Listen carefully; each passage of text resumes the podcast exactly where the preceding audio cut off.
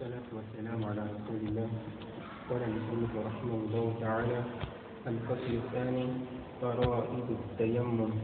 فعله بعد دخول الوقت وطلب الماء خلافا لأبي حنيفة فيهما والنية عند الأربع ومسح الوجه واليدين إجماعا والقول خلافا لهما. والصعيد هو التراب ويجوز التيمم بما صعد على الأرض من أنواعها كالحجارة والحجر والرمل والرمل والجس خلافا للشافعي وسننه تقديم الوجه على اليدين وتجديد ضربة في اليدين ومسحهما إلى المرفقين. وقيل يجب وفاقا للشافعي وغيره وفضائله البدء باليد اليمنى والتسمية أوله. كيفية مسح الذراعين أن أن يمر أن يمر اليد اليسرى على اليمنى من فوق الكف إلى المرفق ثم بعد من فوق الكف إلى المرفق ثم باطن ثم باطن المرفق إلى الجوع. ثم باطن. ثم باطن المرفق إلى الجوع. ثم يمر ثم اليمنى يمر. ثم يمر اليمنى على اليسرى كذلك. وكيفما فعل أجزاءه إذا أوعى الفصل الثالث التيمم ينوب عن الوجود وعن الغسل من الجنابة والحيض والنفاس. إلا أنه لا يجوز لزوج الحال أن يطأها حتى تغتسل بالماء حتى تغتسل. حتى تغتسل بالماء على المشهور ويأخذه نواقض الوضوء وينقضه ويأخذه نواقض الوضوء والغسل. ويأخذه أيضا وجود الماء قبل الصلاة اتفاقا ولا يأخذه بعد الدخول في الصلاة خلافا لأبي حنيفة وابن حنبل ولا بعد الفراغ منها. بعد الفاء ولا بعد الفراغ. ولا بعد الفراغ منها فلا يعيدها. ولا يعيدها. فلا يعيدها إجماعا. الفصل الرابع يستباح للتيمم ما يستباح للطهارة بالماء ولا يجمع به بين صلاتين مكتوبتين خلافا لأبي حنيفة. فلا يجمع. فلا ولا ولا يجمع به بين صلاتين مكتوبتين خلافا لأبي حنيفة. ويج- ويجمع ويجمع. ويجمع بين نوافل وبين فريضة ون- ونافلة إن قدم الفريضة وقال الشافعي يتنفل قبل المكتوبة وبعدها. يتنفل. يتنفل قبل المكتوبة وبعدها. نعم.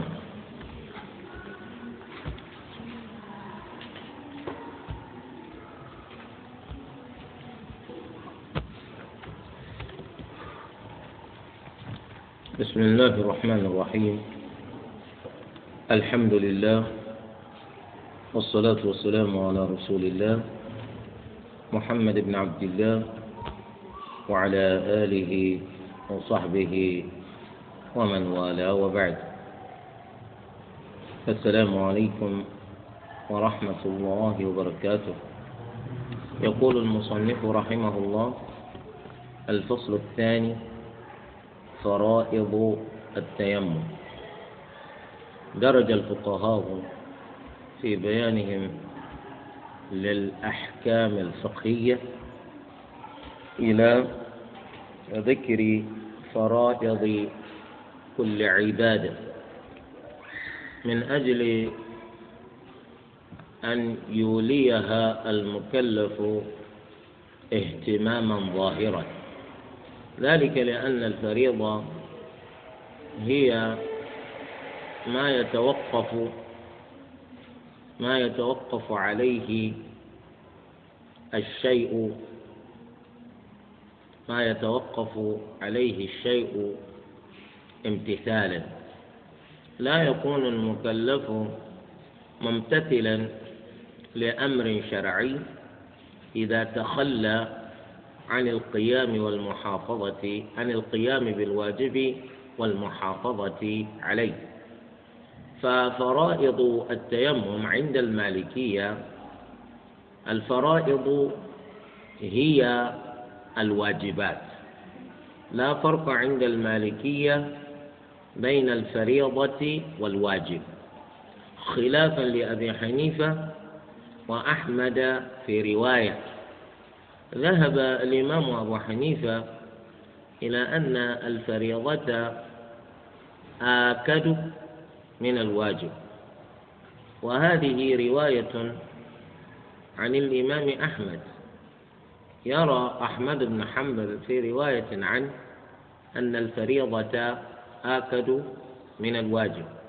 ولذلك هم يصنفون الأحكام الشرعية التكليفية في مذاهبهم إلى ست إلى ستة أحكام. يقولون فريضة واجب مندوب مكروه مباح وحرام هذه الأحكام الست عندهم وهي في الحقيقة خمسة عند المالكية والشافعية وأحمد في رواية أخرى عنه. فالفريضة لا تختلف عن الواجب عند المالكية ومن وافقه. ففرائض التيمم ما يأتي. فعله بعد دخول الوقت. أي يجب على المكلف إذا أراد أن يتيمم لقيام سبب من الأسباب المجيزة للتيمم به. ألا يتيمم إلا بعد دخول الوقت. ويرجع السبب في ذلك إلى أن المالكية ومن وافقهم يرون أن التيمم مبيح التيمم مبيح وليس برافع. بالتيمم يستباح ما لا يجوز فعله إلا بالطهارة كالصلاة مثلا وكالطواف. فإن الذي تيمم يستبيح بتيممه الصلاة ويستبيح بتيممه الطواف ونحو ذلك. لأن الحدث لا يزال قائما به. الحدث لا يزال قائما به. ولكنه بالتيمم يستبيح فعل العبادة التي لا يجوز فعلها بدون الطهارة من الحدث. ومعلوم أن الأصل في الطهارة من الحدث الماء. فهو يتيمم فبتيممه يستبيح ما لا يجوز فعله بغير طهارة من الحدث والطهارة من الحدث إنما يتأتى فعله بالماء.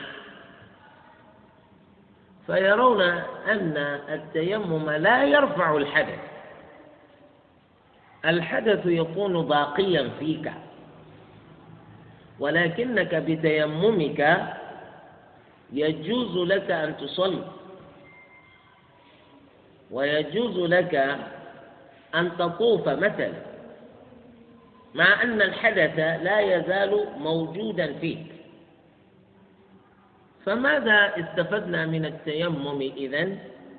استفدنا منه استباحة ما لا يجوز فعله بغير الطهارة من الحدث. ولأجل هذا الإنسان الذي تيمم وهو جنب نقول لا تزال الجنابة قائمة به فهو مطالب بالغسل بعد أن يجد الماء. هو مطالب بالغسل بعد أن يكون باستطاعته استعمال الماء. فالتيمم مبيح لا رافع.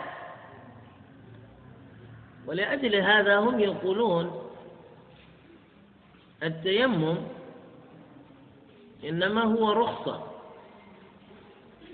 والرخصة هذه لا يتوسع فيها. كما كما كما يتوسع في غيرها. فلا يجوز لمن أراد أن يتيمم أن يقوم بذلك قبل دخول الوقت. لأن التيمم ليس ليس كالغسل. لأن التيمم ليس كالوضوء. التيمم ليس كالغسل وليس كالوضوء.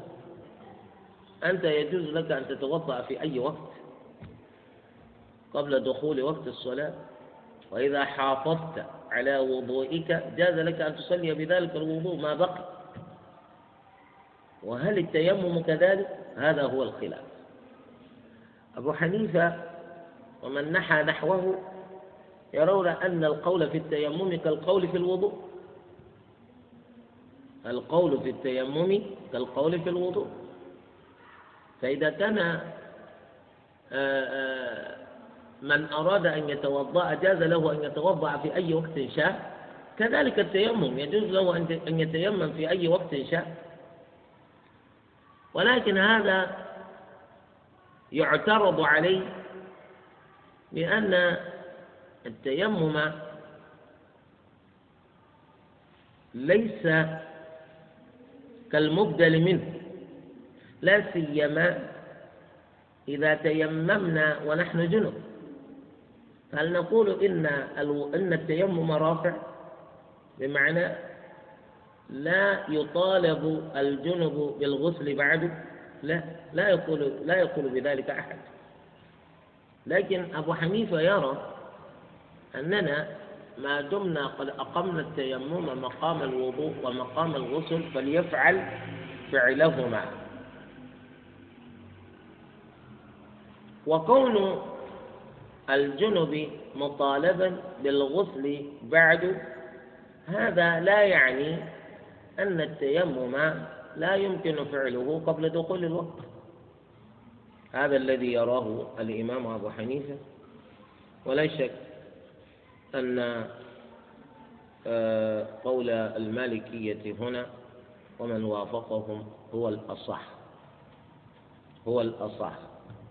ذلك لأن التيمم أصلا لا يحتاج إليه الإنسان إلا لفعل عبادة من العبادات كالصلاة مثلا.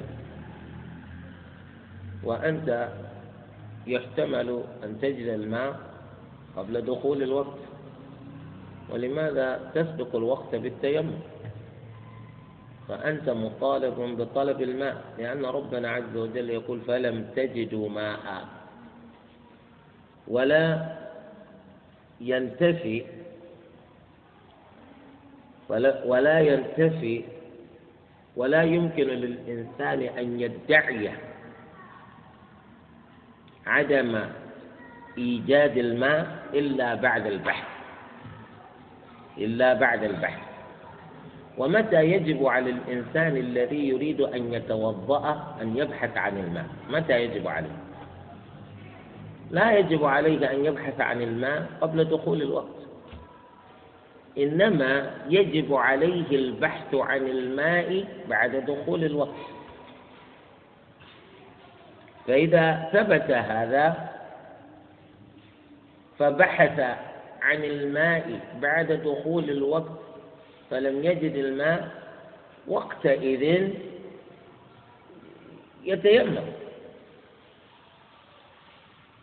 فإذا فهمنا هذا علمنا سلامة وصحة قول المالكية هنا المكلف مطالب بالبحث عن الماء ولا يكلف بالبحث عن الماء قبل دخول الوقت. فإذا لم يجد الماء بعد دخول الوقت وقتئذ ينتقل إلى التيمم. فكيف يتيمم الإنسان إذا قبل دخول الوقت؟ لا يتيمم قبل دخول الوقت. هذا هو. ولذلك قال فعله بعد دخول الوقت وطلب الماء. لا يتيمم إلا بعد دخول الوقت وبعد طلب الماء لأنه لا يطلب الماء إلا بعد دخول الوقت. حتى إذا لم يجد الماء فإنه يخاطب بالتيمم. وهذا هو ظاهر ما دل عليه القرآن. فلم تجدوا ماء. لا يقال إنه لم يجد الماء إلا بعد البحث والطلب. هذا هو. خلافا لأبي حنيفة فيهما. أبو حنيفة يقول بجواز التيمم قبل دخول الوقت ويقول بجواز التيمم قبل طلب الماء. وقد علمنا السبب في ذلك أنه يرى أن التيمم رافع. رافع وليس مبيحا فحسب. والنية عند الأربعة الأئمة الأربعة يرون وجوب النية في التيمم خلافا لما ذهب إليه أبو حنيفة في الوضوء فإنه لا يجب على المتوضئ النية. لكنه وافق غيره هنا في إيجاب النية في التيمم. ذلك لأنهم يتفقون على أن التيمم عبادة غير معقولة المعنى. بخلاف الوضوء فإن أبا حنيفة يرى أن الوضوء عبادة معقولة المعنى. أنت تعرف لماذا تغسل أعضاءك؟ فتذهب تصلي. لا لا يحتاج هذا إلى النية. أصله الاستنجاء.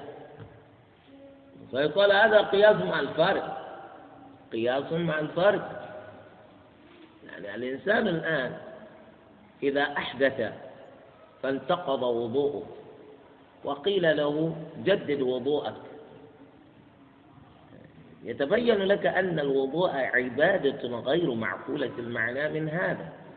لأنه إذ أحدث خرجت الريح من مخرجها منه.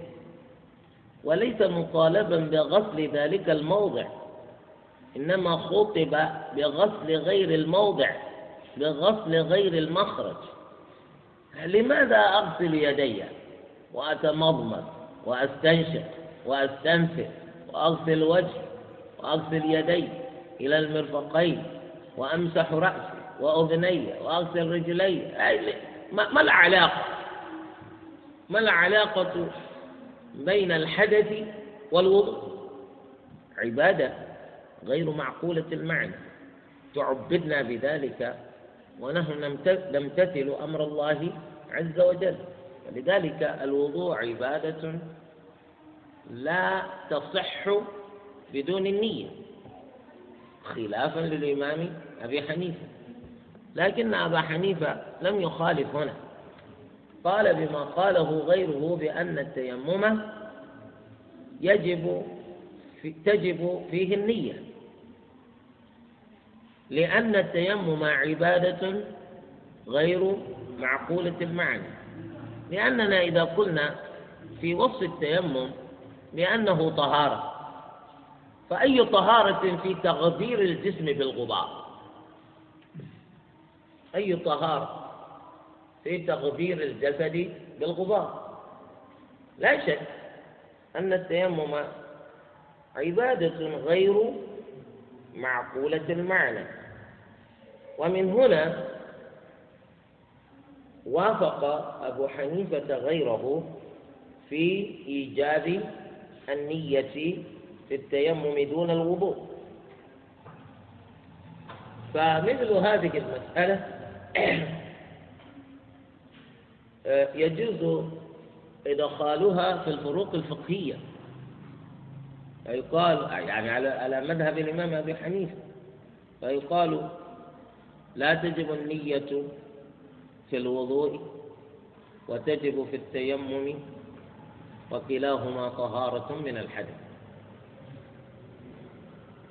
الفرق بينهما وكلاهما طهارة من الحدث هذا جمع. والفرق بينهما. ولذلك قالوا الفقه جمع وفرق.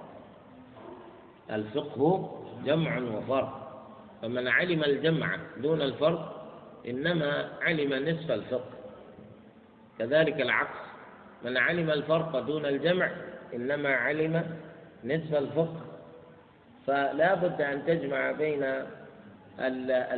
بين الجمع والفرق إذا أبو حنيفة له أن يفرق وأن يقول هذه عبادة معقولة المعنى وهذه عبادة غير معقولة المعنى إن سلموا له طبعا. إذا لم يسلم له يقال لا فرق بينهم.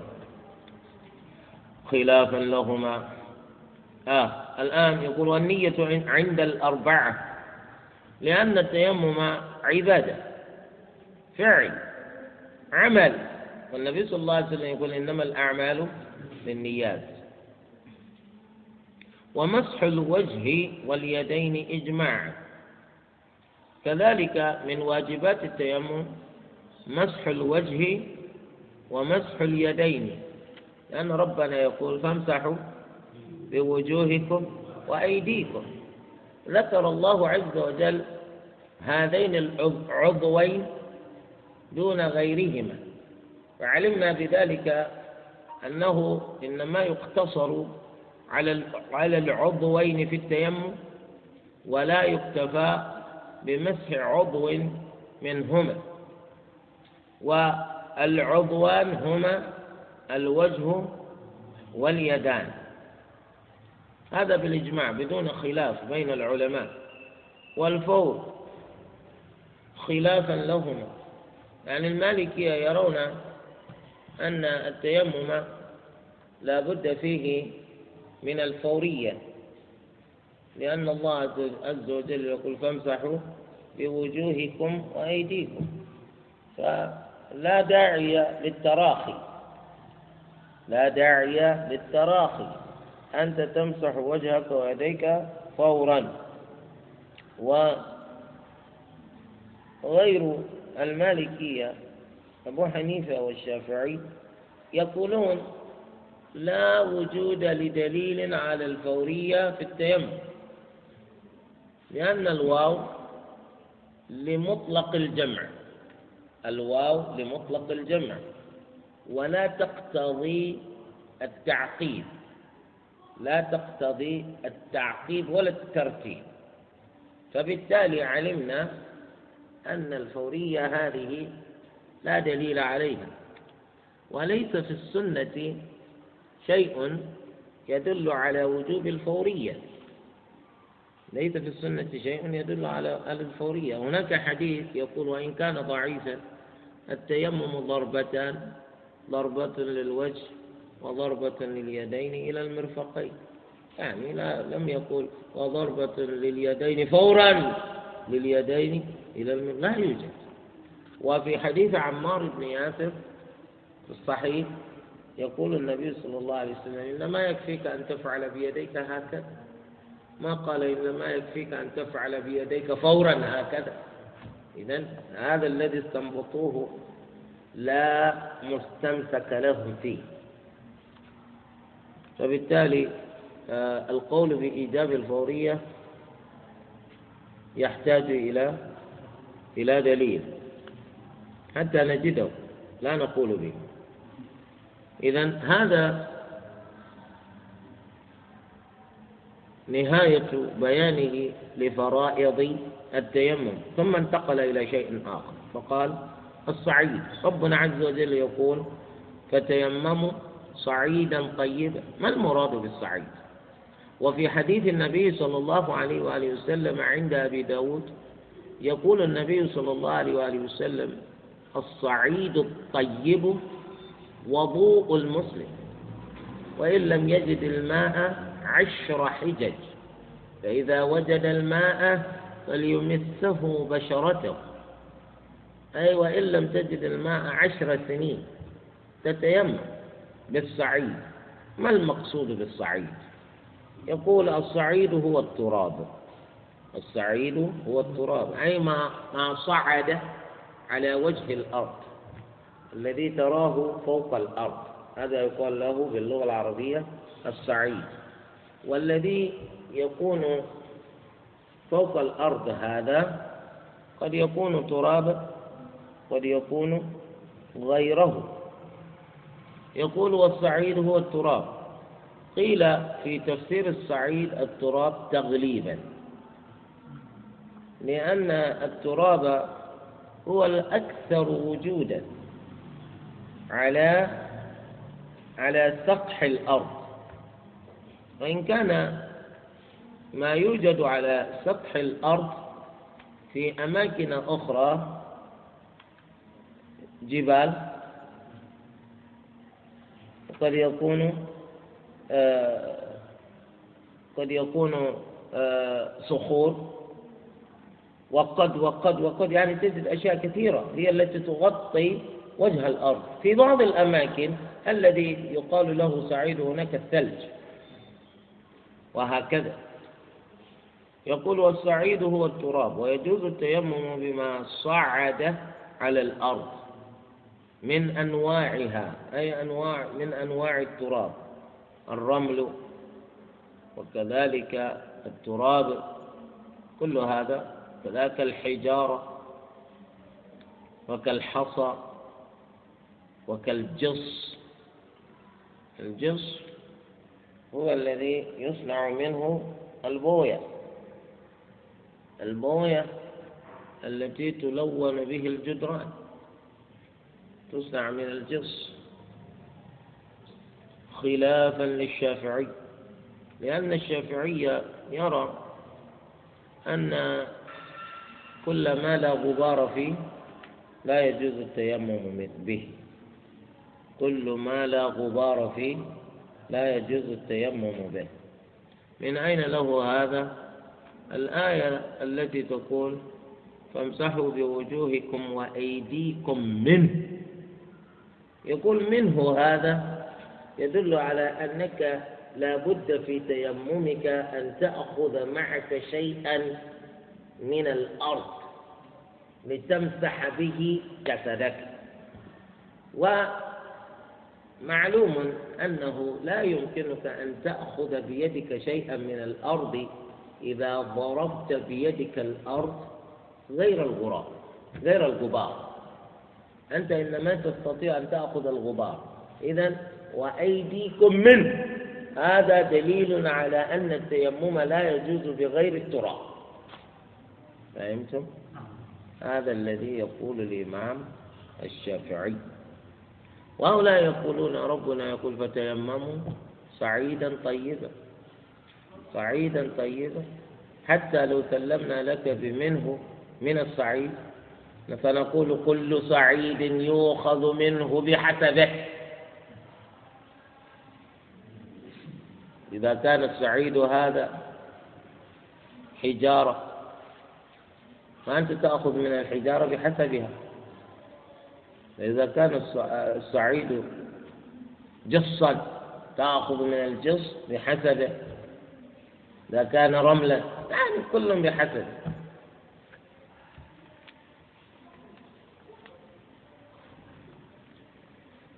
وأما سنن التيمم فهي تقديم الوجه على اليدين لأن الله عز وجل يقول فامسحوا بوجوهكم وأيديكم.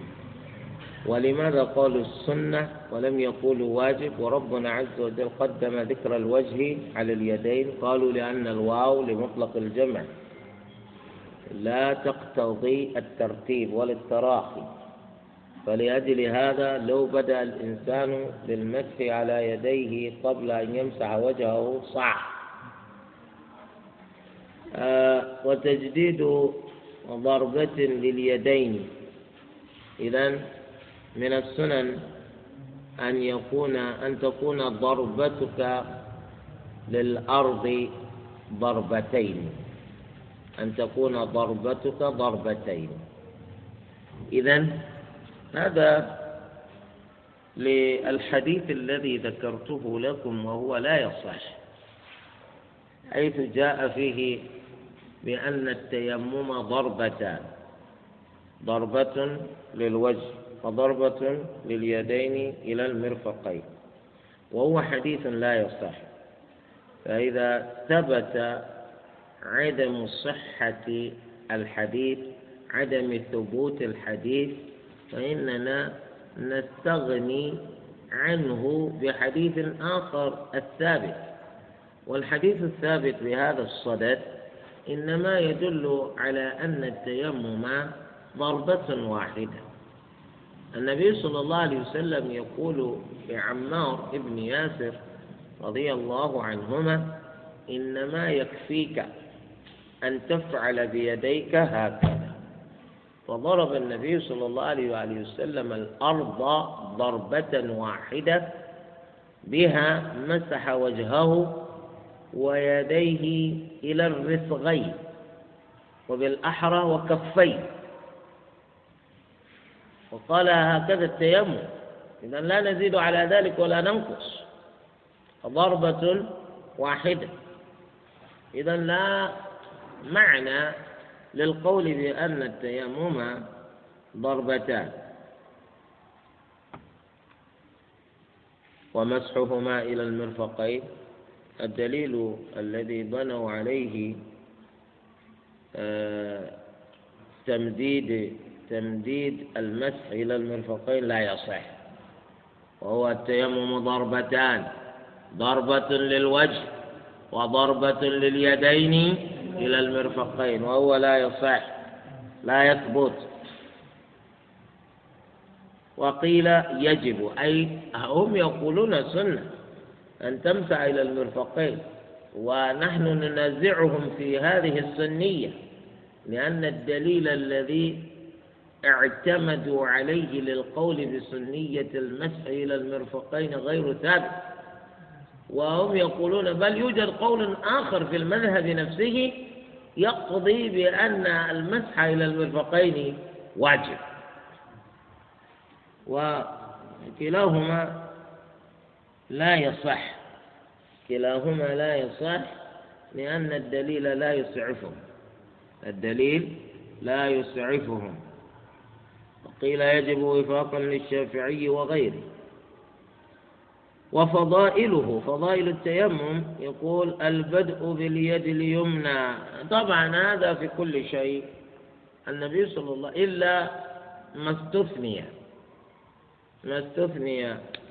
من استنجاء والاستجمار وإزالة النجاسات والقاذورات والأوساخ. هنا تقدم اليسرى على اليمنى جاء في حديث أم المؤمنين عائشة رضي الله عنها أن الرسول صلى الله عليه وآله وسلم كان يعجبه التيمن في كل شيء. كان يعجبه التيمن في كل شيء. فضرب ضربت لنا الأمثلة في طهارته من بين الأمثلة في طهارته وترجله وتنعله وفي شأنه كله. إذا علمنا بذلك أننا نقدم اليمنى على اليسرى. هذا تشريفا من الله عز وجل لليمين على الشمال جعلنا الله وإياكم من أصحاب اليمين.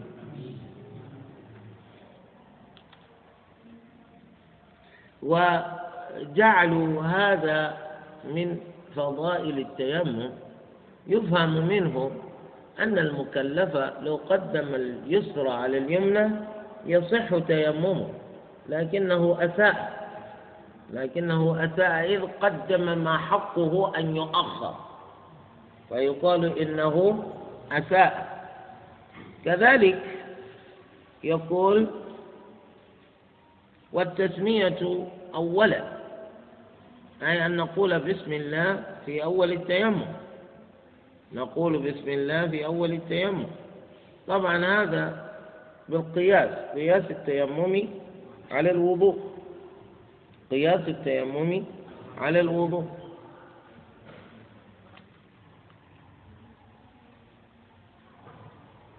ثم يقول عن كيفية مسح الذراعين. كيف تمسح ذراعيك؟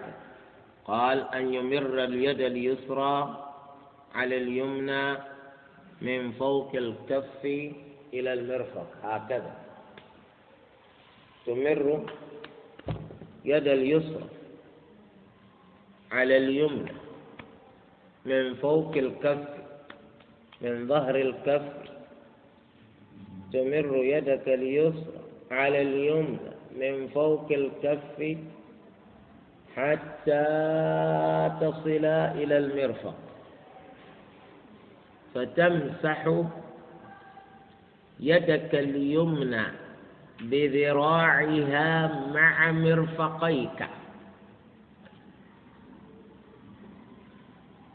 مع مرفقك اليمنى. انتهيت إلى المرفق؟ قال أن يمر اليد اليسرى على اليمنى من فوق الكف إلى المرفق ثم باطن المرفق إلى القوع. هكذا. إذا وصلت إلى المرفق تدخل إلى باطن الذراع. تمسحه حتى تصل القوع. وهذا القوع. الرزق. إذا وصلت إلى الرزق قال ثم يمر اليمنى على اليسرى كما فعل باليسرى على اليمنى. تفعل باليمنى على اليسرى. مثل ما فعلت هنا تفعل.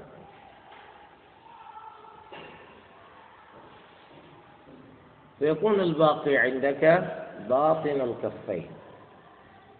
باطن الكفين هو الباقي.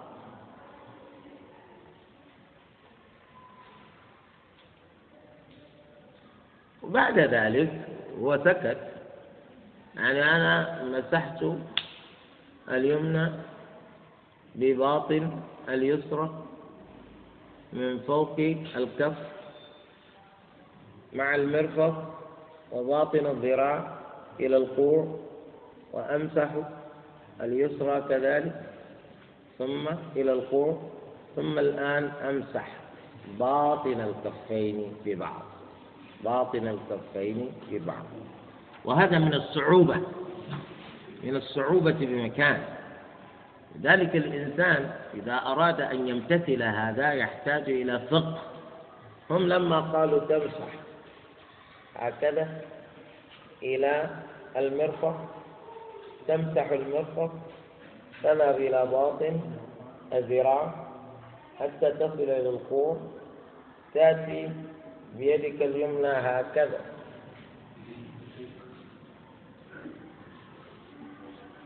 من فوق ظهري اليسرى مع المرفق مع مراعاة الإيعاب.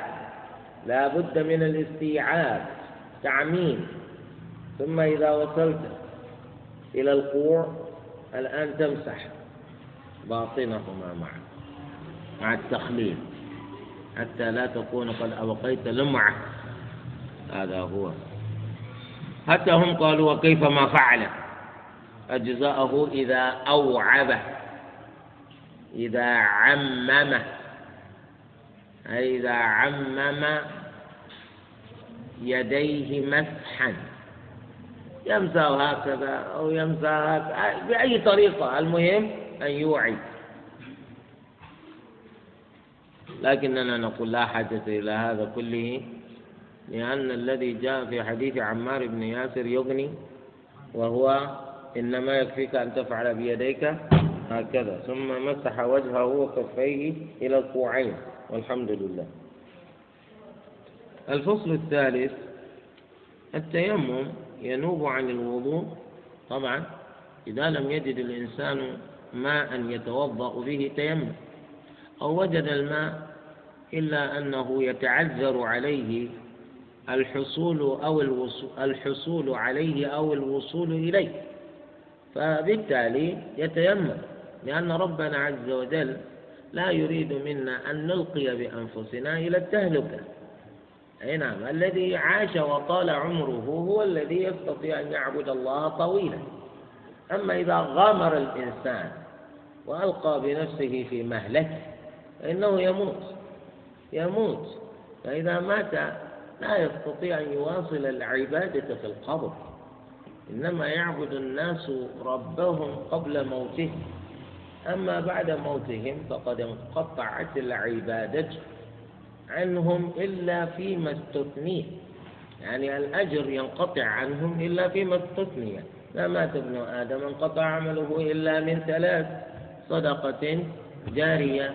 أو علم ينتفع به أو ولد صالح يدعو له إذا آه الإنسان الذي لم يجد الماء يتيمم. وجد الماء إلا أنه يتعذر عليه الحصول عليه أو الوصول إليه فإنه يخاطب بالتيمم. يقول أنا إمام الإمام يتيمم يا أخي تيمم.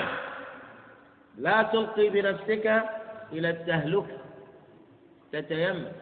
ومن هنا تأتينا مسألة وهي مسألة آه، آه، حكم إمامة المتيمم للمتوضئين. يجوز للمتوضئ أن يؤم المتيممين. يعني لأن الوضوء أعلى درجة من التيمم. وهل يجوز للمتيمم أن يؤم المتوضئين؟ لا بأس. فهمتم؟ لا بأس. إذا كان إذا كان إنما تيمم لوجود مجيب.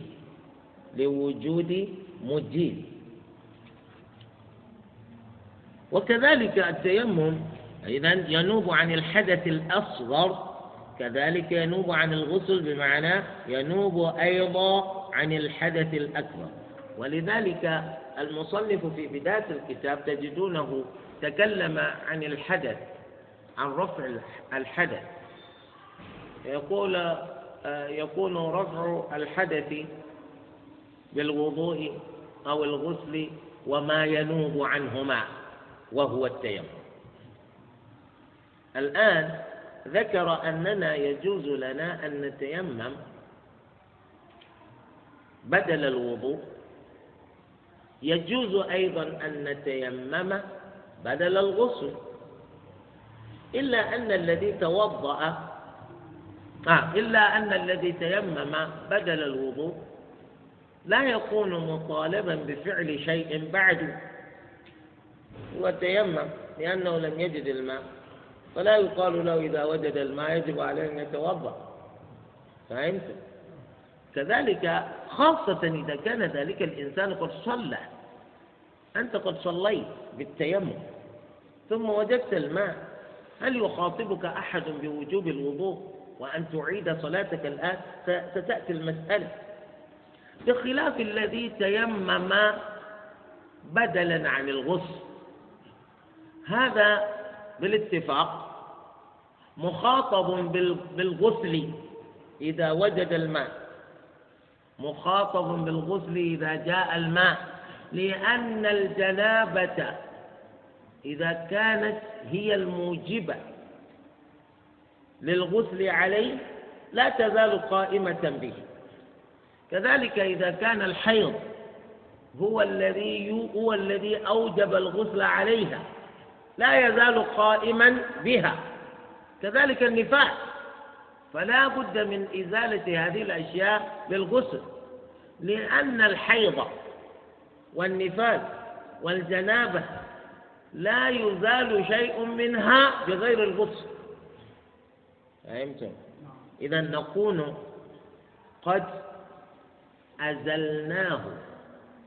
أزلناه يعني أزلنا الجنابة والحيض والنفاس بالتيمم حكما لا عينا. حكما لا عينا. لأن بالتيمم صار هذا الإنسان في حكم من قد تطهر. ولكنه في الحقيقة لما يتطهر. فلذلك هو مطالب بإزالة هذا الشيء. إذا وجد إلى الماء سبيلا.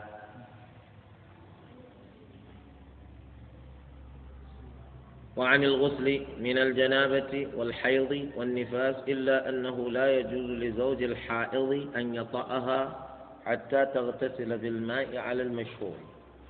إذا كانت المرأة حائضة وانقطع عنها دم الحيض لا يجوز لزوجها غشيانها قبل أن تغتسل. ربنا عز وجل يقول فلا تقربوهن حتى يطهرن فإذا تطهرن فأتوهن من حيث أمركم الله. الأمر الأول فلا تقربوهن حتى يطهرن يطهرن. هنا يعني فعل ليس باستطاعة الإنسان إيجاده.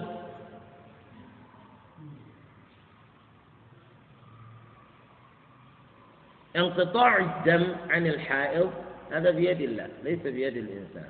ولذلك قال تعالى حتى يطهر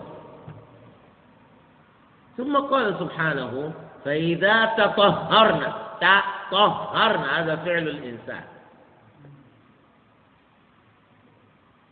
كما قال تعالى وإن كنتم جنبا فطهروا أي فتطهروا.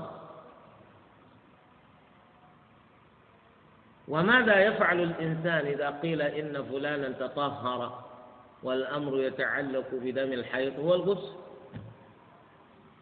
هو الغسل. فلا تقربوهن حتى يطهر فإذا تطهرن فأتوهن من حيث أمركم الله. وهذا يقال له في علم الشريعة بالأمر بعد الحظر. الأمر بعد الحظر. فلا تقربوهن حتى يطهرن. هذا الحظر التحريم. ثم قال تعالى فإذا تطهرن فأتوهن. هذا أمر. هذا أمر بعد الحظر. ماذا يفيد؟ هل يفيد الوجوب؟ يجب على كل زوج أن يطع زوجته بعد غسلها إثر حيضها. وهكذا قال الظاهرية. وهو الأليق بظاهريته.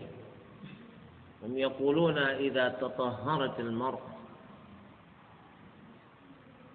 بعد انقطاع دم الحيض يجب على زوجها أن يأتيها ولو مرة. زوجها مسافر. يقولون إذا رجع. زوجها مريض. إذا قام من مرضه مباشرة.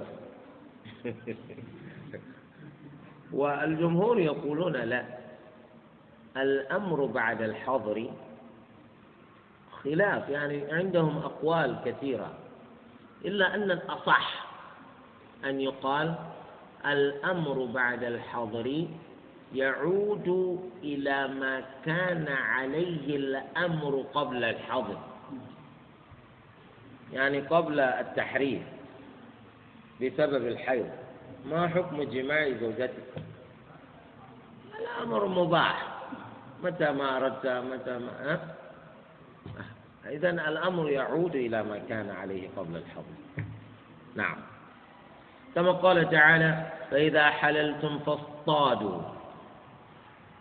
ربنا عز وجل حرم على المحرم الاصطياد ثم قال إذا فإذا حللتم فاصطادوا. هذا أمر بعد الحظر على قول الظاهرية كل حاج كل معتمر تحلل لا بد أن يصطاد. ماذا يصطاد في مكة؟ يصطاد الحمامة. والحمامات كثيرة جدا في مكة. هذه يعني فكرة الظاهرية.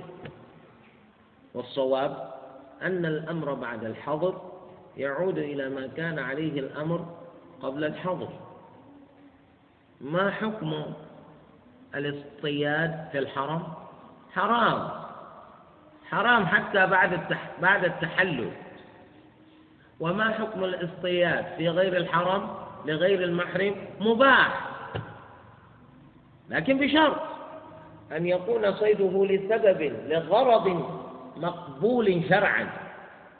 يعني أنت الآن لا تذهب إلى لا تذهب إلى الغابة لتصيد حيوان من أجل أنك تريد أن تعرف كيف تصيد بالرصاصة. هل أنت يعني تجيد إطلاق الرصاصات أو لا؟ لا إنما تصطاد لسبب مقبول شرعا. أنت تحتاج إلى المال. وتعلم أنك إذا قمت بالاصطياد تستطيع أن تبيع ذلك الحيوان لمن أراد أكله فتقضي حاجتك بذلك المال. نعم أنت تريد أن تأكل اللحم. في عمرك ما أكلت أرنبا بريا قبل وتريد أن تجرب كيف الأرنب البري؟ تذهب تصطاد. كذلك تريد أن تأكل حمارا وحشيا.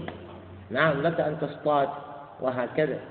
تأكل لكنك لا تضيع لا تضيع اللحم. كم تأكل أنت من الحمار الوحشي الحمار الوحشي ضخم جدا.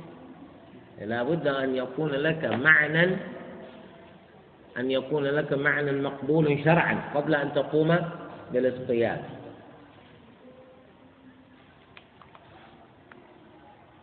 يقول لا بد أن تكون المرأة قد اغتسلت بالماء قبل أن يطأها زوجها على المشهور. إذا في رواية أخرى قول آخر في المذهب أنه يجوز له أن يطأها بعد انقطاع دم الحيض قبل الغسل ولا شيء. وهذا قول ضعيف لأنه يخالف نص القرآن. لا نقول يخالف ظاهر القرآن لأن قوله سبحانه وتعالى فإذا تطهرن هذا نص في المسألة. أي أن المرأة لابد أن تكون قد اغتسلت قبل أن يأتيها زوجها, زوجها بعد انقطاع دم الحيض. ولأجل هذا لو جامع الإنسان زوجته بعد انقطاع دم الحيض يكون ذلك الإنسان آثما. يكون آثما. وهذا باتفاق الفقهاء. وهو المشهور أيضا عند المالكية أن من وطئ زوجته بعد انقطاع دم الحيض قبل الغسل آثم. وما كفارة ذلك الإثم خلاف بين الفقهاء. الحنفية والمالكية يقولون يستغفر ربه لأنه خالف قول الله تعالى فلا تقربوهن حتى يطهرن فإذا تطهرن فهو لم ينتظر التطهر. فأثم بذلك فليستغفر فليستغفر الله. قل يا عبادي الذين أسرفوا على أنفسهم لا تقنطوا من رحمة الله إن الله يغفر الذنوب جميعا إنه هو الغفور الرحيم. ولا وجود لدليل آخر يوجب عليه غير التوبة. ويقول الحنابلة وكذلك قول عند الشافعية لأنه من وطئ زوجته وهي حائض فعليه أن يدفع دينارا صدقة على الفقراء والمساكين. وإذا وطئها بعد انقطاع دم الحيض قبل الغسل فعليه كفارة نصف دينار. وهذا ورد به حديث حديث مرفوع إلى النبي صلى الله عليه وآله وسلم هو الثابت. نعم تبين ثبوته بعد ذلك. المالكية والحنفية في السابق يرون عدم ثبوت ذلك الحديث ولكن تبين ثبوته بعد. ولذلك نقول بموجبه إن شاء الله كل إنسان يطع زوجته وهي حائض يدفع دينار. فهمت؟ يدفع دينار. وكم دينارا تجب الزكاة منه؟ عشرون دينارا. من ملك عشرين دينارا فإنه يزكي. واليوم عشرون دينار بالعملة النيجيرية يقدر بمليونين نيرة تقريبا. إذا مليون مليونان على عشرين. إذا كل دينار بمئة ألف نيرة حتى تعلم. يعني يا من يجامع زوجته وهي حائض تدفع مئة ألف نيرة وإذا جامعته بعد انقطاع دم الحيض قبل غسله. تدفع كم؟ خمسين ألف نيرة فقط. لهذا تعلم. وهذا وهذا القدر قد يزيد وقد ينقص بحسب ارتفاع قيمة العملة المحلية وانخفاضها أمام الدولار. بهذا تعلم. أن الإنسان يجب عليه أن ينتبه. امرأة تسأل تقول حاضت وانقطع عنها دم الحيض.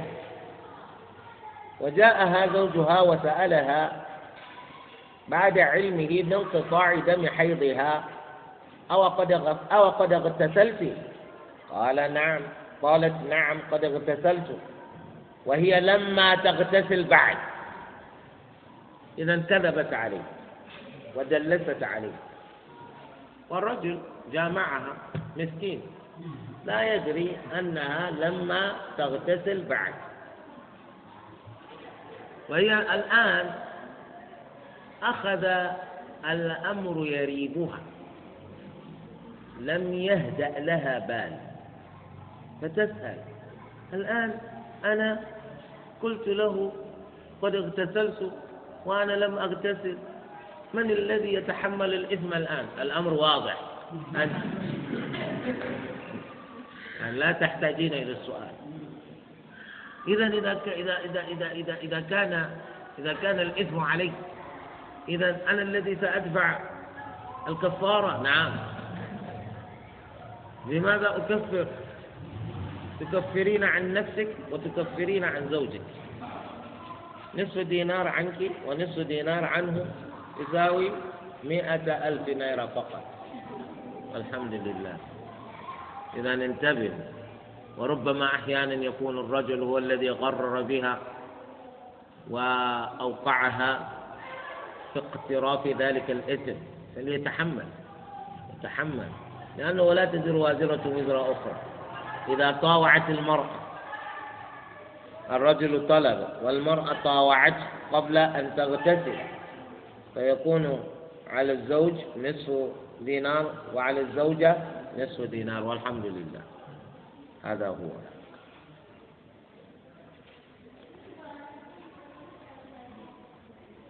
وينقضه إذا نواقض التيمم. قال وينقضه نواقض الوضوء. نواقض الوضوء معروفة. هذه النواقض إذا وقع شيء منها إذا وقع شيء منها على متيمم فإن تيممه ينقض فهمتم؟ إذا أحدث أو تبول أو تغوط أو أنزى أو أخر أو خرج منه الودي نقول إن تيممه قد قد انتقض. كذلك ما يقال في النوم زوال العقل بالنوم وبالسكر وبالإغماء كل هذا. كذلك بمس الذكر. كذلك إذا لمس امرأة وخرج منه مذي فإنه يقال إن تيممه قد انتقض. فالقول في الوضوء كالقول في التيمم انتقاضا. أي ما ينتقض هذا هو ما ينتقض الآخر.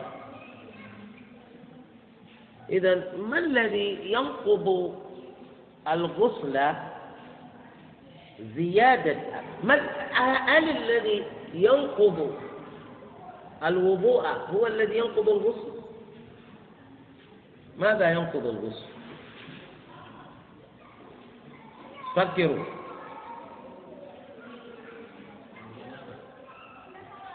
أي جنابة أنت اغتسلت. ماذا ينقض الغسل؟ نعم؟ الآن الحدث والبول والغائط والودي والمذي كل هذا ينقض الغسل؟ ماذا ينقض الغسل؟ المني ينقض الغسل يعني أنت اغتسلت وبعد غسلك خرج المني. والمني هذا ما خرج بعد الجماع. وذهبت تغتسل ثم خرج المني بعد ذلك. والمني هذا لا ينقض لا ينقض الغسل إنما تغسل منه ذكرك بس. نعم. ماذا ينقض الغسل؟ نعم. الردة. يعني لو أنه ارتد عن الإسلام بعد غسله انتقض غسله. صح. كذلك إذا ارتد بعد تيممه انتقض تيممه. شيء آخر. الجماع. ليس الإجماع. الإجماع في أصول الفقه. الجماع والله مشكلة.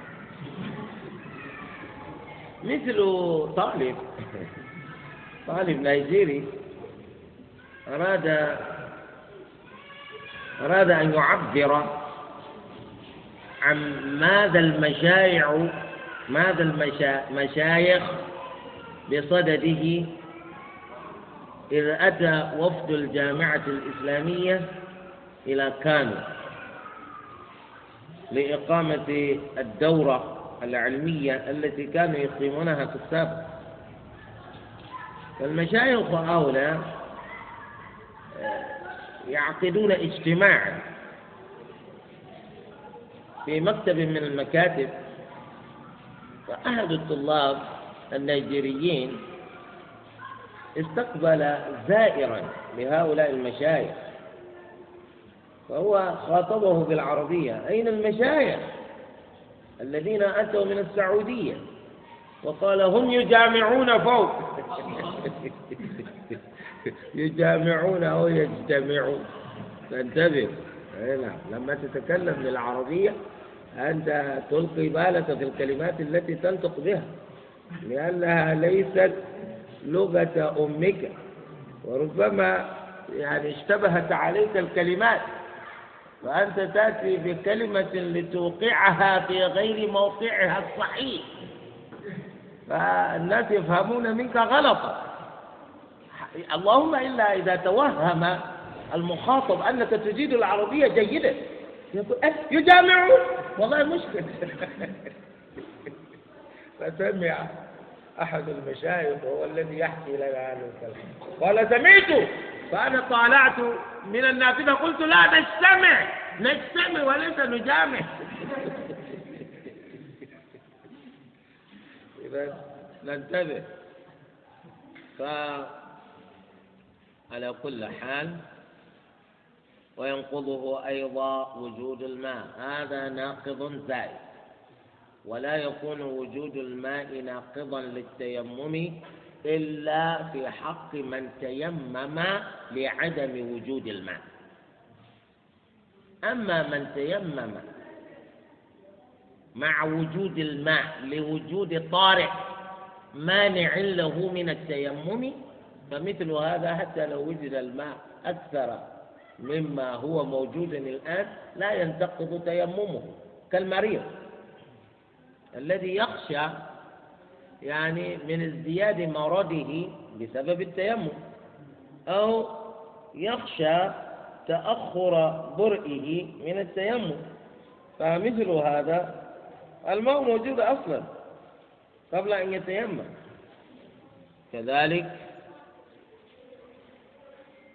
وينقضه أيضا وجود الماء قبل الصلاة اتفاقا أي في حق من تيمم أصلا لعدم وجود الماء ولا ينقضه بعد الدخول في الصلاة.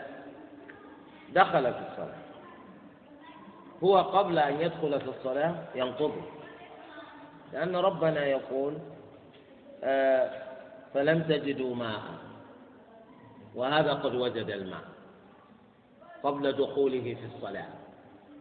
فيبطل تيممه تلقائيا. يذهب يتيم يذهب يتوضأ لأنه أصلا إنما أمر بالوضوء. والشريعة أجازت له التيمم عند فقد الماء. والماء الآن موجود. توضأ يا رجل.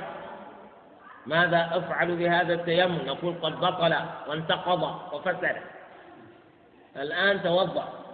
يذهب يتوضأ ليصلي. لو صلى بذلك التيمم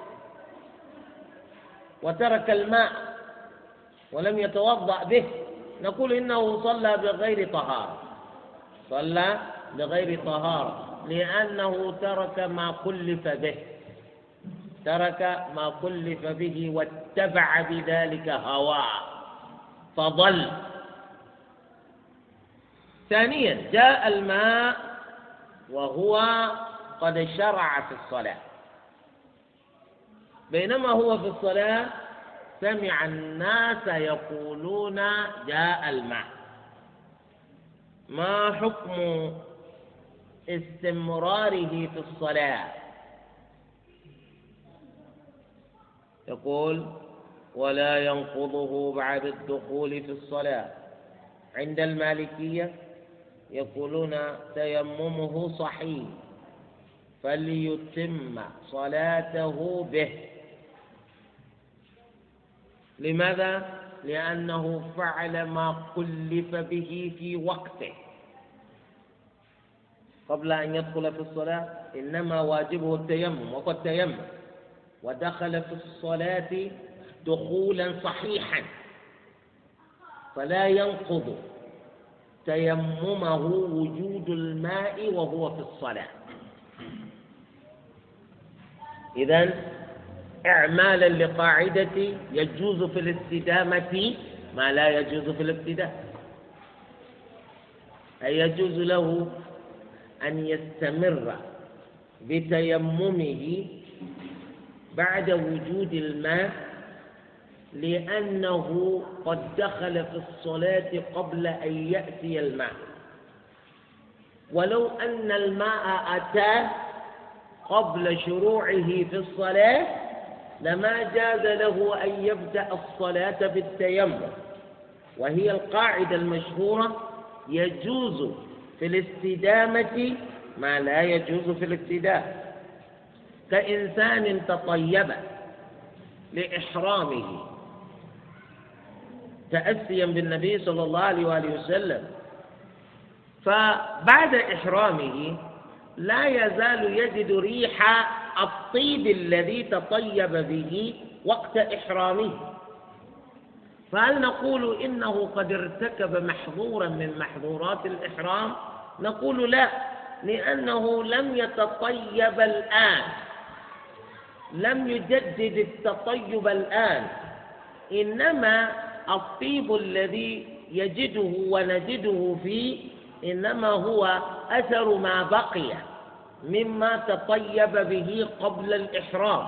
والقاعدة تقول يجوز في الاستدامة ما لا يجوز في الابتداء إنسان ذهب إلى الحج بزوجته.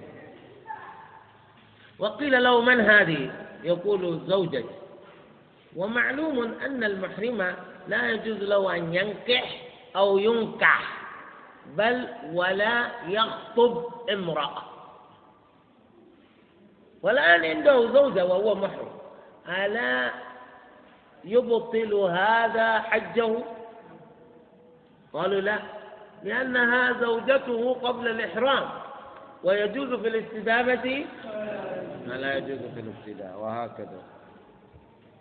إذا خلافا لأبي حنيفة وابن حنبل هؤلاء يقولون إذا وجد الماء وقد تيمم الإنسان قبل لعدم وجود الماء وأتى الماء وهو في الصلاة يقولون تبطل صلاته. تبطل صلاته. ويجب عليه أن يتوضأ الآن. لماذا يا جماعة؟ قالوا لعموم قول الله عز وجل فلم تجدوا ماء وهذا واجد للماء. لأنه لما يسلم بعد. لأنه لم يسلم بعد. أعانك الله. بطلت هذه الصلاة لبطلان تيممك فلتتوضأ ولتبدأ صلاتك من جديد. وفقك الله. طبعا كلامهم هذا له وجهة في الحقيقة. نعم نقول إنه فعل ما كلف به قبل الشروع في الصلاة ودخل في الصلاة دخولا صحيحا إلا أنه لم يبق في الصلاة بقاء صحيحا بعد وجود الماء بقاؤه في الصلاة بالتيمم وقد وجد الماء بقاء غير صحيح. بقاء غير صحيح. أما القول بأنه يجوز في الاستدامة ما لا يجوز في الابتداء نقول قد قد قد انتقض بوجود الماء. قد انتقض بوجود الماء. أعانه الله فليذهب ليتوضأ. لا نقول يقطع صلاته الصلاة قد انقطعت تلقائيا شاء أم أبى. وهذا هو الذي تطمئن إليه النفس لأنه لم يسلم بعد يا جماعة. لم يسلم بعد حتى نقول صلى بطهارة معتبرة شرعا وهو التيمم عند عدم وجود الماء. وقد سلم من تلك الصلاة. كيف نأمره الآن بالإعادة يا جماعة؟ هو لما يسلم بعد. أمره بالوضوء وبدء الصلاة من جديد أهون. لأن النبي صلى الله عليه وسلم وقد تقرر في السنة أن النبي صلى الله عليه وسلم أمرنا بترك ما يريبنا إلى ما لا يريبنا. والبقاء في مثل هذه الصلاة مريب. والوضوء والجديد لا يريب. والشريعة إلى ما لا يريب. أعانك الله يا شيخ. توضأ. وصل وهذا الذي نختاره إن شاء الله. أنه إذا وجد إذا وجد الماء وقد تيمم الإنسان قبل الدخول في الصلاة وجب عليه الوضوء. إذا وجد الماء قد باشر الإنسان الصلاة ولكنه لم يسلم بعد الواجب عليه الوضوء وليبدأ الصلاة من جديد لأنه لما يؤدي الصلاة فبالتالي وجوده في أثناء الصلاة كوجوده قبل الدخول في الصلاة. فعليه أن يتوضأ وعليه أن يبدأ الصلاة من جديد إذا كان قد بدأها قبل والذي لم يبدأ قبل الآن يصلي. هذا هو. لأن الأصل مع وجوده. وعدم وجود حائل دون إعمال لا يقوم مقامه لا يقوم مقامه غيره. لا يقوم مقامه غيره. الأصل لا يقوم مقامه غيره إذا كان الأصل موجودا. وإذا كان موجودا ولا يمنع دون إعماله شيء فلا يقوم مقامه مقامه غيره فلتفهم هذا. هذا هو. ولا بعد الفراغ منها. أي نعم إذا كان الإنسان تيمم وانتهى من الصلاة ثم جاء الماء تقبل الله صلاته. لا يخاطب بإعادة الصلاة. هذا يقول اجماعا. أي بدون خلاف نعلمه بين أهل العلم. الفصل الرابع يستباح بالتيمم ما يستباح بالطهارة بالماء. أي الشيء الذي إذا تطهرت بالماء يجوز لك فعله هو عينه يجوز فعله بالتيمم. يجوز فعله بالتيمم. إذا كالصلاة مثلا وكالطواف وكمس المصحف وكالجلوس والمكث في المسجد لمن لم يجد الماء كالجنوب مثلا الذي لم يجد الماء. وهو داخل المسجد يتيمم حتى يتسنى له النوم داخل المسجد وهكذا. هل تعلم شيئا يجوز يجوز فعله بالغسل ولا يجوز فعله بالتيمم؟ فكر. ما هو الشيء الذي ترى أنه لا يجوز بالتيمم؟ للذي؟ الذي قد ذكره هنا يعني أنه لا يجوز الجماع بالتيمم ما أدري. لا يجوز. الجماع أي الرجل إذا أراد أن يجامع زوجته ولا يجد الماء هل يجوز له أن يجامعها على أنه بعد الجماع بها يتيمم؟ لا. هذا صح لا يجوز. لا يجوز. أنت ما عندك الماء فتقول أتيمم بعد ذلك؟ لا.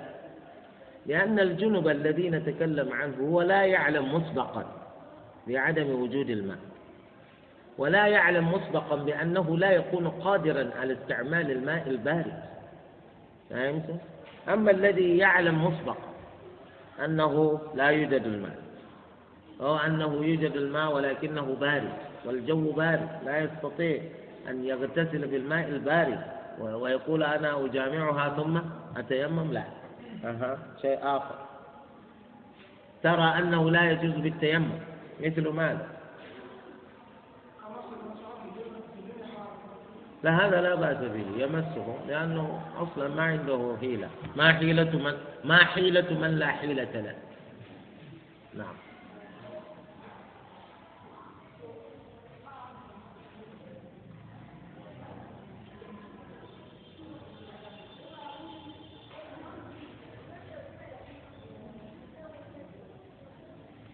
نعم. النبي صلى الله عليه وسلم يقول للرجل إذا جامع زوجته وأراد أن يعود إليها ثانيا فإنه يتوضأ فإنه أقوى له في العودة. الوضوء التيمم يكون يكون مثل ذلك؟ نعم. نتمنى. والله نتمنى لكن ما ندري. لأن المذكورة في الحديث الوضوء. كذلك إذا ذهب الإنسان للإحرام ذهبت إلى الميقات وأردت أن تغتسل للإحرام إلا أنك لم تجد الماء. هل تتيمم؟ تتيمم تتيمم للإحرام؟ أو تغتسل للإحرام يا حاج؟ نعم.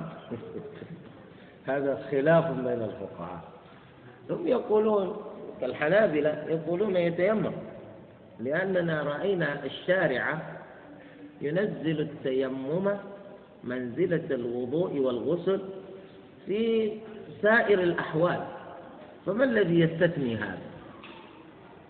إذا إذا قلنا لأن النبي صلى الله عليه وسلم بين لنا في في في عند عند عند قيامه بحجة الوداع وبعد وصوله إلى الميقات وحين أخبر بأن أسماء بنت عمير زوج أبي بكر أبي بكر الصديق رضي الله عنهما ولدت. أمرها النبي صلى الله عليه وسلم أن تغتسل كما يغتسل الجميع. من هنا علمنا أن الغسل للإحرام ليس للتطهر فحسب. وإنما هو للتطهر وللتنظيف. لأنه لو كان للتطهر فقط لماذا النفساء تؤمر بالغسل؟ وهي لا يمكن أن تتطهر بذلك الغسل قبل انقطاع دم النفاس. إذا وهو للتطهر في حق من ليس من ليس بحائض ومن ليس بنفساء. فهو للتطهر. حتى لو كان الإنسان جنبا واغتسل للإحرام. وبنية الجنابة فإنه يكون قد تطهر. ويجوز له أن يصلي بذلك الغسل. أما هذه فقد اغتسلت. تصلي؟ ماذا تصلي؟ إذا كان إذا تبين بهذا أن الغسل من الإحرام قد يكون للتطهر كما يكون للتنظيف. إذا أقمنا التيمم مقامه عند فقد الماء هل التيمم يكون للتطهر أو يكون للتنظيف أو يكون لهما؟ أصلا التيمم للتطهر. ولذلك قلنا طهارة غير معقولة المعنى. يعني الجسر يغبر بغبار. ونقول طهارة إذا غير غير معقولة المعنى ولذلك لا بد من نية. الآن واحد يقول التيمم كمان للنظافة. نظافة كيف؟ لذلك من يقول من وصل إلى الميقات ولم يجد الماء تيمم نقول نظر إلى جانب كون الغسل من الإحرام تطهرا. وأغفل جانب كونه تنظفا. فهمت؟ لأنه لو أعمل جانب التنظف لمنع منه. لأن التيمم لا يمكن أن يكون تنظيفا. ولذلك الفقهاء منهم من يقول لا ومنهم من يقول نعم هذا هو. ولا يجمع به بين صلاتين. هذه مسألة أخرى. هل يجوز للإنسان أن يصلي بالتيمم الواحد فريضتين؟ أجاز ذلك بعض الفقهاء.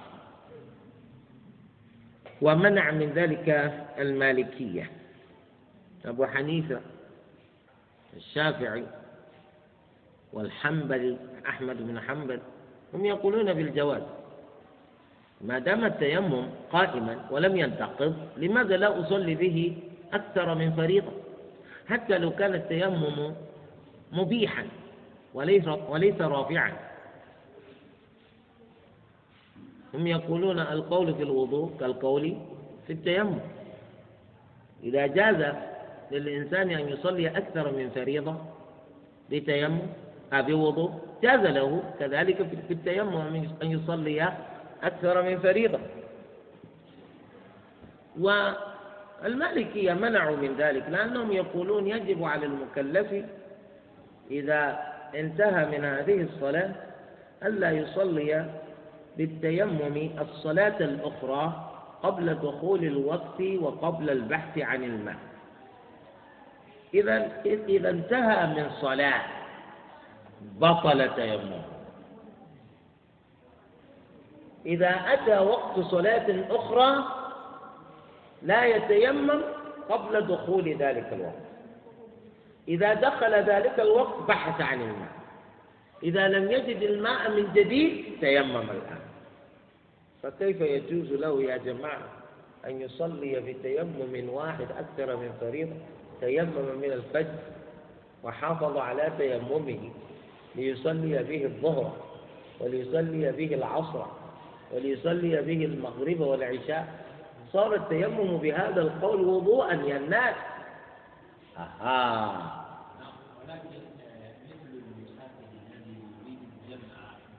هذا الجمع شيء آخر.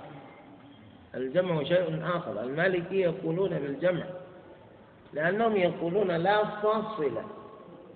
معتبر بين الصلاتين في حق من يجمع كالمسافر مثلا. وفي حق من يصلي صلاتين إحداهما قضاء. هم أجازوا هذا وكذلك من أراد أن يتنفل بعد فريضة بنافلة راتبة لكن يقوم بعد سلامه مباشرة لأن التيمم يبرد. إذا خلافا لأبي حنيفة ويجمع بين نوافل وبين فريضة ونافلة ها؟ إن قدم الفريضة. من هنا نحن نقول يجوز. يجوز أن يجمع بين أكثر من فريضة بتيمم واحد.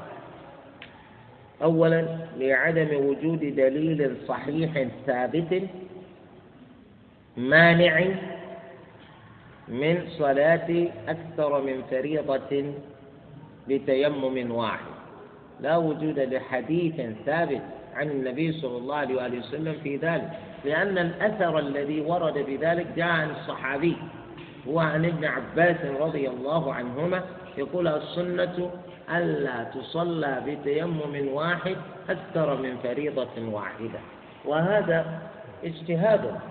من الصحابة ولا يوافقه في ذلك غيره من الصحابة. بالتتبع وجدنا من الصحابة من يخالفه في هذا. لو كان هذا القول الذي قاله لم يخالفه فيه غيره لقلنا هذا إجماع سكوتي فتقوم بذلك الإجماع حجته. ولكننا تتبعنا فوجدنا أن غيره من الصحابة يخالفه في ذلك فلا حجة. ثانيا كيف لا يجوز له أن يصلي أكثر من فريضة بتيمم واحد؟ وقد أجزتم له أن يجمع بين فريضتين إذا كان مسافرا بتيمم واحد. فنقول آه، جوابنا في إجازة أكثر من فريضة بتيمم واحد هو جوابكم في إجازته للمسافر حين قلتم له بجواز الجمع. فهمتم؟ ها. وهو أيضا وجوابنا كذلك جوابكم لمن أجزتم له بأن يأتي بالنافلة بعد الفريضة مباشرة. نقول الأصل عدم وجود الفرق بين الفريضة والنافلة في ذلك لأن كلتيهما صلاة. وهذا هكذا. وقال الشافعي يتنفل قبل المكتوبة وبعدها. هذا الأصل هذا الأصل. لأن التيمم هذا طهارة يا جماعة. لهذا نأتي إلى ختام ما أردناه لهذا اليوم. نسأل الله عز وجل أن يفقهنا في الدين وأن يعلمنا التأويل وأن يبارك لنا فيما علمنا وأن يزيدنا علما. سبحانك اللهم وبحمدك. أشهد أن لا إله إلا أنت. أستغفرك وأتوب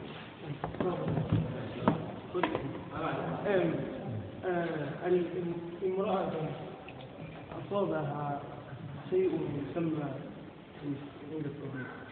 ثم ما معنى ليس؟ عدم وذهبت إلى الطبيب. والطبيب أعطاها الدواء. بعد استعمالها بهذا بهذا الدواء ما رأت الحيض لمدة شهرين؟ انقطع عنها الحيض. نعم. وفي الشهر الثالث رأتها رأت رأت رأت الحيض. و ومن قطع دم ومن قطع دم الحيض فوق خمسة عشر يوما. يعني استمر. نعم. طبعا آه، الدم إذا تمادى بالمرأة لمدة أكثر من خمسة عشر يوما فإننا نقول بأن ما زاد على مدة خمسة عشر يوما استحاضة وليس بحيضة فإنها تتطهر وتصلي وتصوم ويأتيها زوجها فشأنها كشأن غيرها من النساء الطاهرات.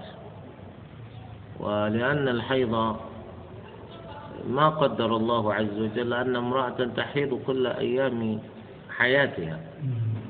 وإن كانت هذه أصلا حكمها أن ننظر في عدد الأيام التي كانت تحيض فيها قبل هذا الطارئ. ننظر في عدد الأيام التي كانت تحيض فيها قبل وقوع الطارئ. كانت تحيض سبعة أيام ثمانية أيام تبقى عادتها كما هي ولكنها تستظهر لثلاثة أيام. تستظهر لثلاثة أيام. إذا كانت إنما تحيض قبل ستة أيام تزيد ثلاثة أيام. سبعة أيام تزيد ثلاثة أيام لتصير الأيام عشرة. بعد ذلك نقول حكمها حكم المستحاضة. وهكذا.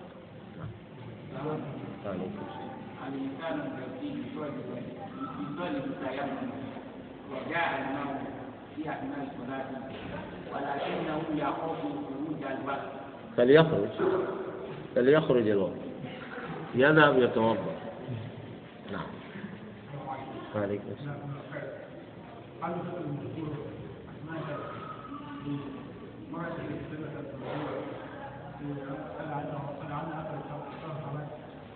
من من الحي فحال هل هل يقع كليهما الجنابة وحيث منها إذا انصرف الباب ما فهم الآن بعد اجتماع مع الرسول.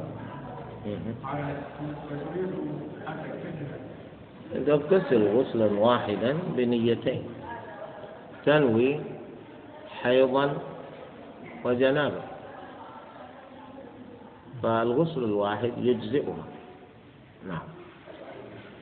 وهل إذا كان الماء فقدا كيف يكون؟ إذا كان المرء مفقودا كيف يكون آه، التيمم؟ إذا كان الإنسان إذا مفقودا كان الماء مفقودا. كيف يكون التيمم؟ هل يجمع بين آه، يعني إذا أراد الإنسان أن يتيمم عن الجنابة والحيض يتيمم رفعا للحدث الأكبر رفعا للحدث الأكبر الغسل هو الذي يتداخل. الآن تيمم واحد بس يعني بدون هذه النيات. نعم.